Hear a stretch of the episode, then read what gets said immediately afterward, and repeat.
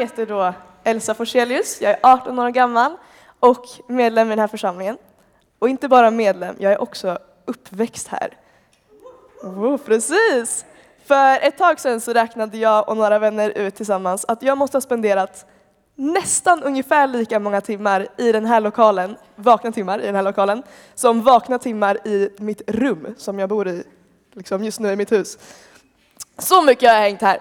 Eh, och det, jag hänger inte bara här på söndagar utan också på fredagar tillsammans med Volt, vår ungdomsgrupp. Woo! Och precis som ni hörde precis var vi förra veckan på ett läger som heter Chili. Och det är ett stort läger tillsammans med en massa andra ungdomsgrupper från en massa andra kyrkor. Och vi har haft jätteroligt. Vi vann en fotbollscup. Värt en applåd. Precis. Eh, och vi har blivit förkylda efter det här lägret, som man blir. Yes, så det är därför jag låter lite förkyld, så att ni vet. Um, och vi hade också vi var med på fantastiska andakter där Gud verkligen fick göra med saker i människors liv. Och på en av de här andakterna så fick jag också eh, äran att få predika om frihet från människofruktan. Och tänkte jag att då kör vi en eh, favorit i repris. Så vi kör samma sak idag. Frihet från människofruktan. Och för er som inte känner mig så kommer här lite, lite info. Jag spenderar inte bara mycket tid i kyrkan och i mitt rum, utan jag spenderar också väldigt mycket tid på min dansskola. Eftersom att jag själv är tävlingsdansare och inne på mitt sjunde år nu. Det är ganska mycket. Mm. Eh, och jag jobbar som danslärare för barn som är mellan två och åtta år gamla. Det är typ det gulligaste som finns. Mm. En del av dem kan typ inte ens gå.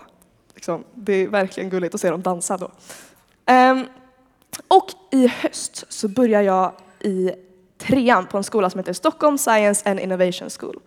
Det här är typ, jag älskar den här skolan. Det är typ den mest nördigaste gymnasiet som du kan hitta i Sverige. Det är i Kista, i teknikområdena i Kista, en skola med bara teknikelever.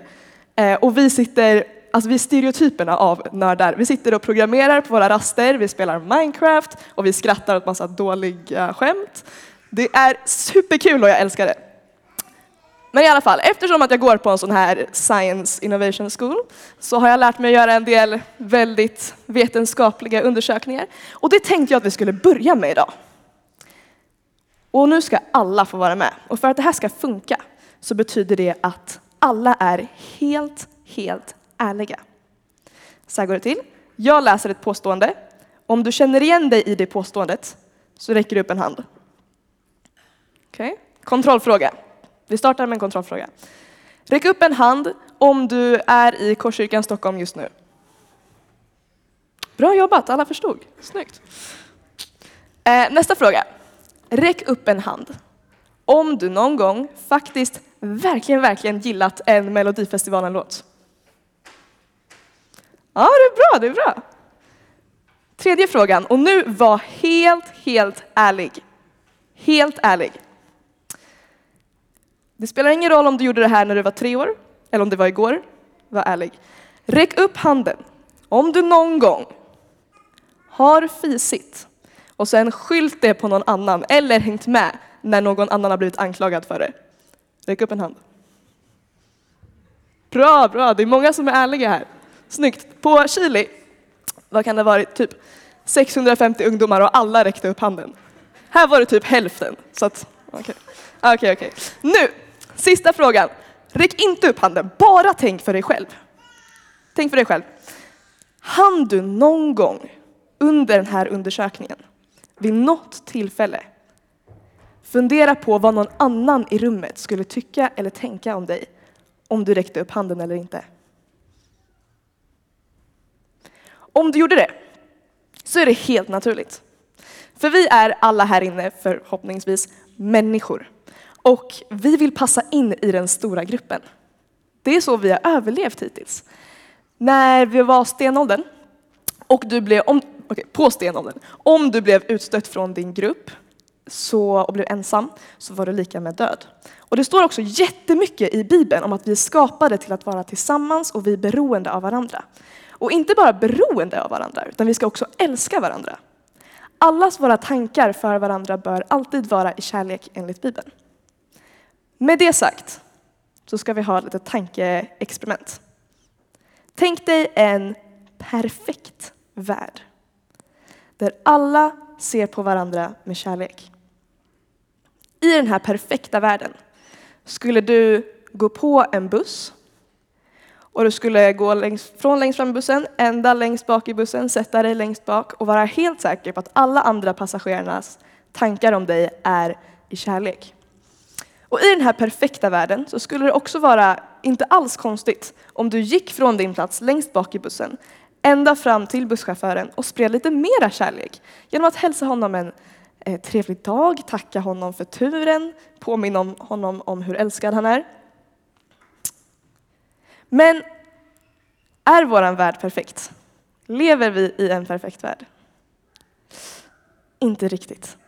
I våran operfekta värld skulle du antagligen stoppa dig själv innan du kom fram till busschauffören av rädslan för vad de andra passagerarna skulle tycka om dig. De kanske skulle tycka att du är konstig eller lite stel eller något sånt där. Um, I våran operfekta värld så kanske du inte ens skulle våga ställa dig upp av rädslan för att andra passagerare ska se på dig och tänka att du är ful eller att du verkar konstig och så vidare. Och de här tankarna och känslorna, där vi hela tiden går runt och funderar på vad andra tycker om oss, eller rädda för vad andra tycker om oss, har ett namn. Och det är människofruktan. Människofruktan betyder basically att låta andra människors tankar om dig styra dina val mer än vad Guds tankar om dig gör. Och det kan vara både val om saker du vill göra, till exempel gå fram till busschauffören, eller valet om att du är nöjd med dig själv eller inte. Och människofruktan kan vi hitta på ett ställe i Bibeln. Och det är i Ordspråksboken 29 och 25. Där står det, oj, människofruktan är en snara, men den som förtröstar på Herren är trygg. Alltså, samtidigt som det är helt naturligt för oss att bry oss om vad andra tycker och tänker om oss, så är det just när rädslan för vad andra tycker om oss tar över, så blir det en snara. Och vad är ens en snara? Det undrade jag när jag läste det här och då gjorde jag precis som alla andra 18-åringar gör när man inte vet någonting. Eh, jag googlade det och hittade en definition på Wiktionary.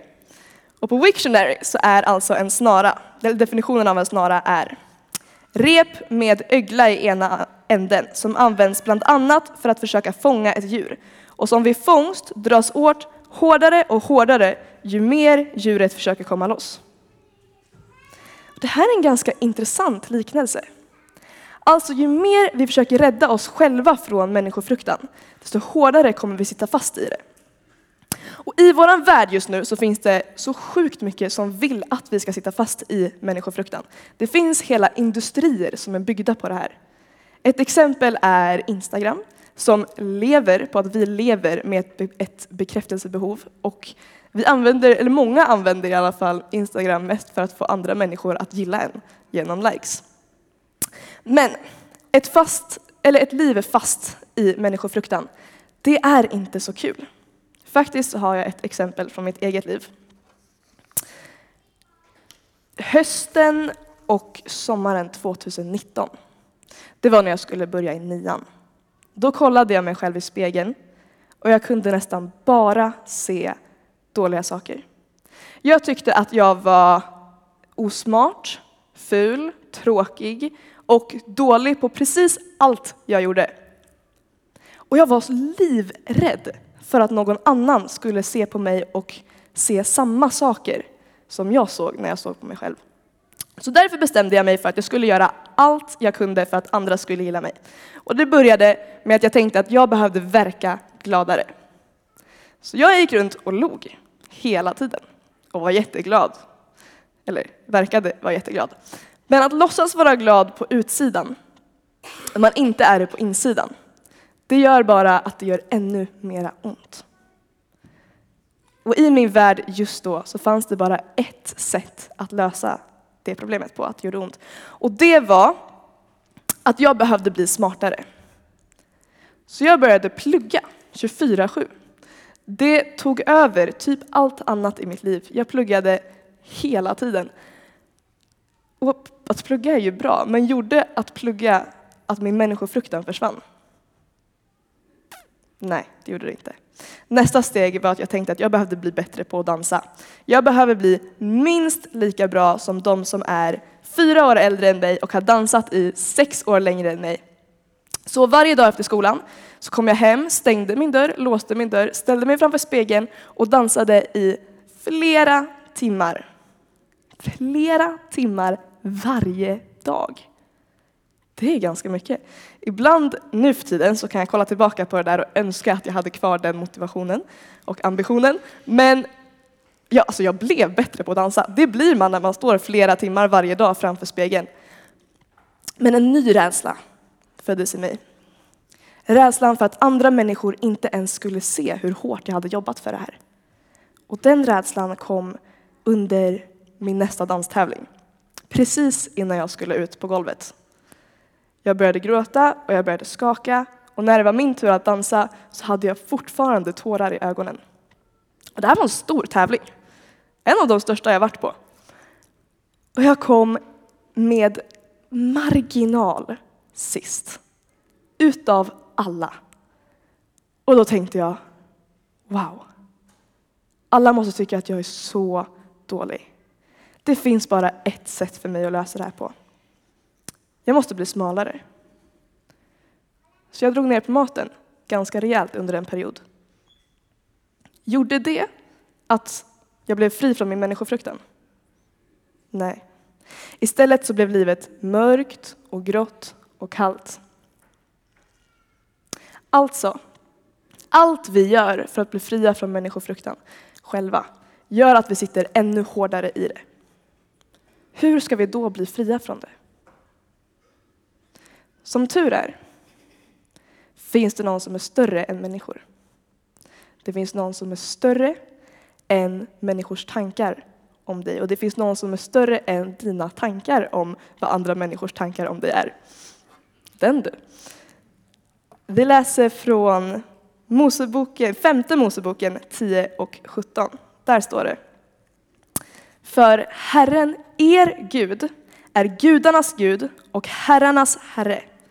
Den Gud som är stor och väldig, som inte är partisk och inte tar mutor. Vi har en Gud som har skapat hela universum. Han har skapat alla stjärnorna och alla celler i din kropp. Och den här guden, han är så mäktig. Vi kan inte ens förstå hur mäktig han är. Och han älskar oss så mycket. Han älskar dig så, så mycket. Och han vill inte att vi ska leva ett liv i människofruktan. Och han ville inte heller att jag skulle leva ett liv i människofruktan. Så en vinterdag, där 2019, när den här snaran som heter människofruktan satt som hårdast, så var jag en fredagkväll tillsammans med de andra ungdomarna i Volt eh, här och vi hade en andakt här inne eh, och sjöng lovsång. Och jag hade gått lite längre bort från de andra för att få vara lite själv. Så jag gick bort till läktaren och satte mig där på mina knän.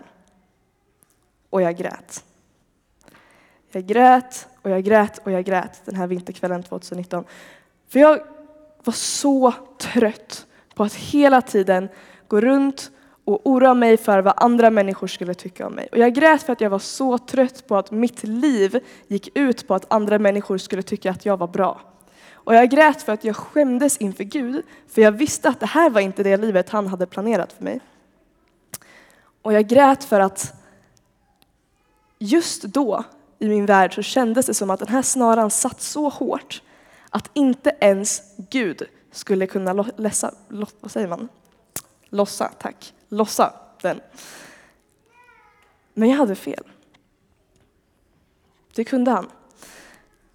Helt plötsligt, när jag satt på mina knän och grät, så var det som att en värme började i mitt bröst och den spred sig ut i resten av kroppen. Och helt plötsligt så förvandlades mina tårar från att vara av rädsla och skam till att vara till, eller ja, jag grät av tacksamhet och glädje istället.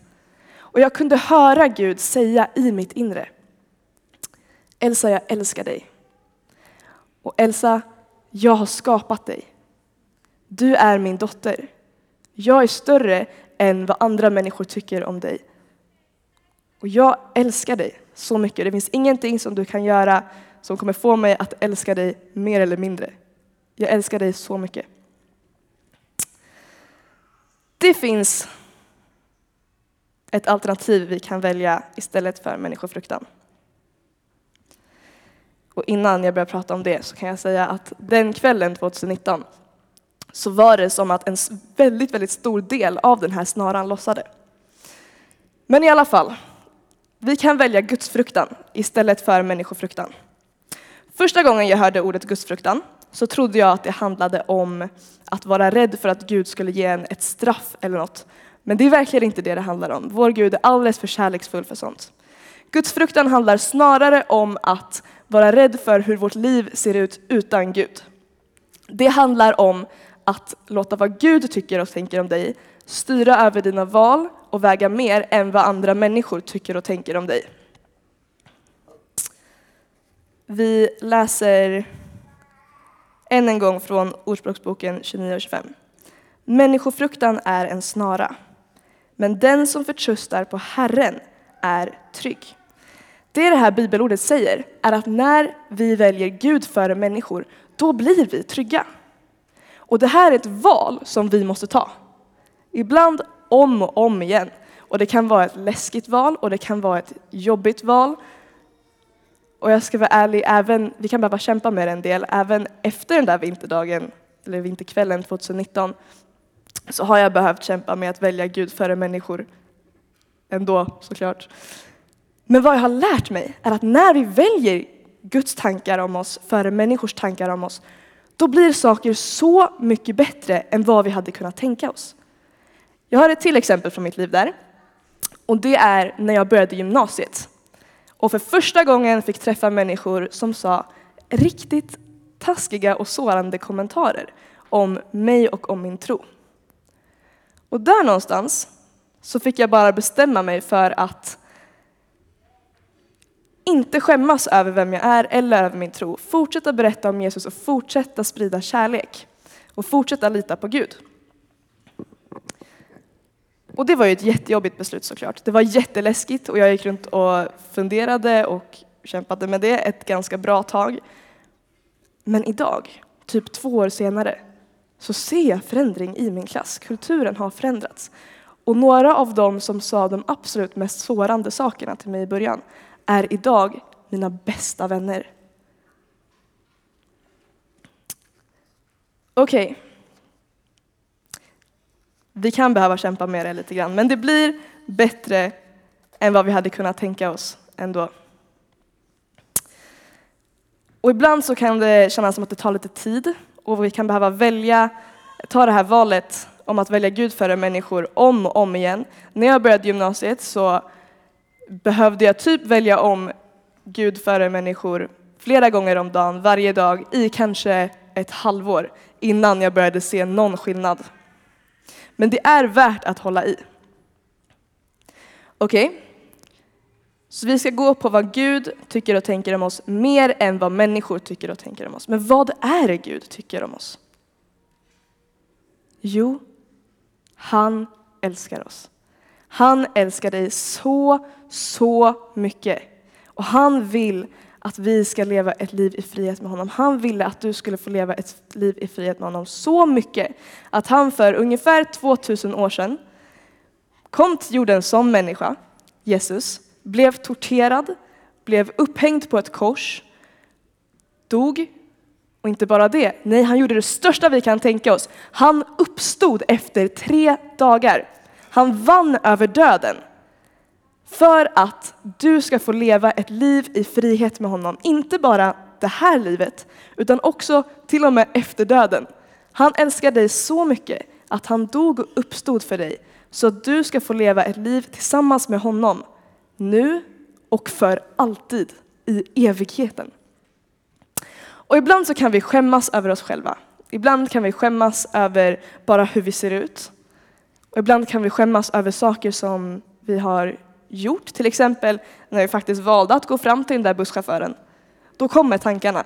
De här att Åh, det, nu tycker alla att jag är konstig eller Åh, det där blev ju lite stelt. Men Gud, han kommer aldrig att skämmas över dig. För det var Gud som skapade dig. Gud han satte dig här just nu för att han tyckte att det behövdes en dig här just nu. Gud kommer aldrig att skämmas över dig. Han kommer aldrig att skämmas över att kalla dig hans barn eller hans vän. Men ibland så glömmer vi bort det där. Ibland så är det svårt att höra vad Gud tycker om oss när omvärlden skriker så högt och andra människors tankar om oss låter så mycket. Så vi ska göra en liten övning nu, en liten praktisk övning som man kan göra när som helst. Vi tror ju på en Gud som vi kan prata med såklart, men som också vill prata med oss. Och det kan han göra på olika sätt, kanske genom en bild eller att du börjar tänka på en eh, sång eller ett bibelord eller hör en röst eller en känsla och så vidare. Gud pratar på hur många olika sätt som helst. Och vad vi kommer göra nu är att vi kommer tillsammans enskilt att blunda och fråga Gud, Gud vad är det du tycker om mig? Gud vad ser du hos mig? Och sen ta en stund när vi bara får lyssna på, på Gud. Så vi gör det tillsammans. Vi blundar och så frågar vi Gud. Gud, vad är det du tycker om mig? Vad är det du ser hos mig, Gud?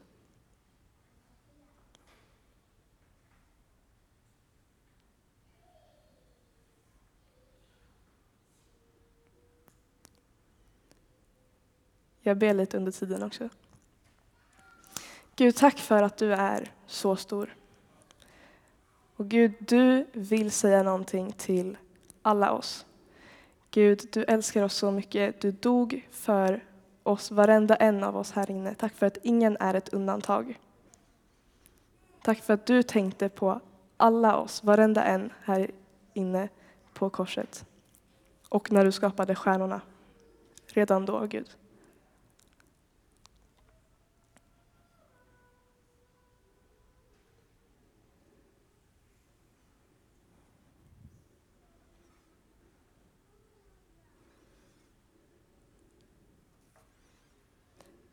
Nu kan lovsångsteamet få komma upp.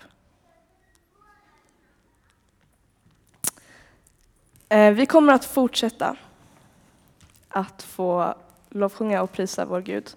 Och om du tror att du hörde någonting från Gud nu och det var någonting kärleksfullt så är det värt att låta det väga tyngre än andra människors tankar om dig. Och om du känner att du inte hörde någonting nu så är det också helt okej. Okay. Gud har inte glömt dig. Ibland så bara hör vi inget. Men det kommer att eh, stå förebedjare där längst bak nu alldeles strax. Och du kan alltid gå till dem och be samma bön tillsammans med dem och lyssna in tillsammans om du vill. Och om du också sitter här inne och vill påbörja valet att, ha med, eller att välja Guds fruktan istället för människofruktan i ditt liv, så gå också gärna till förebönen och säg det till dem och låt dem få be för dig, för de vill, vi har förebedjare här som verkligen vill be för dig.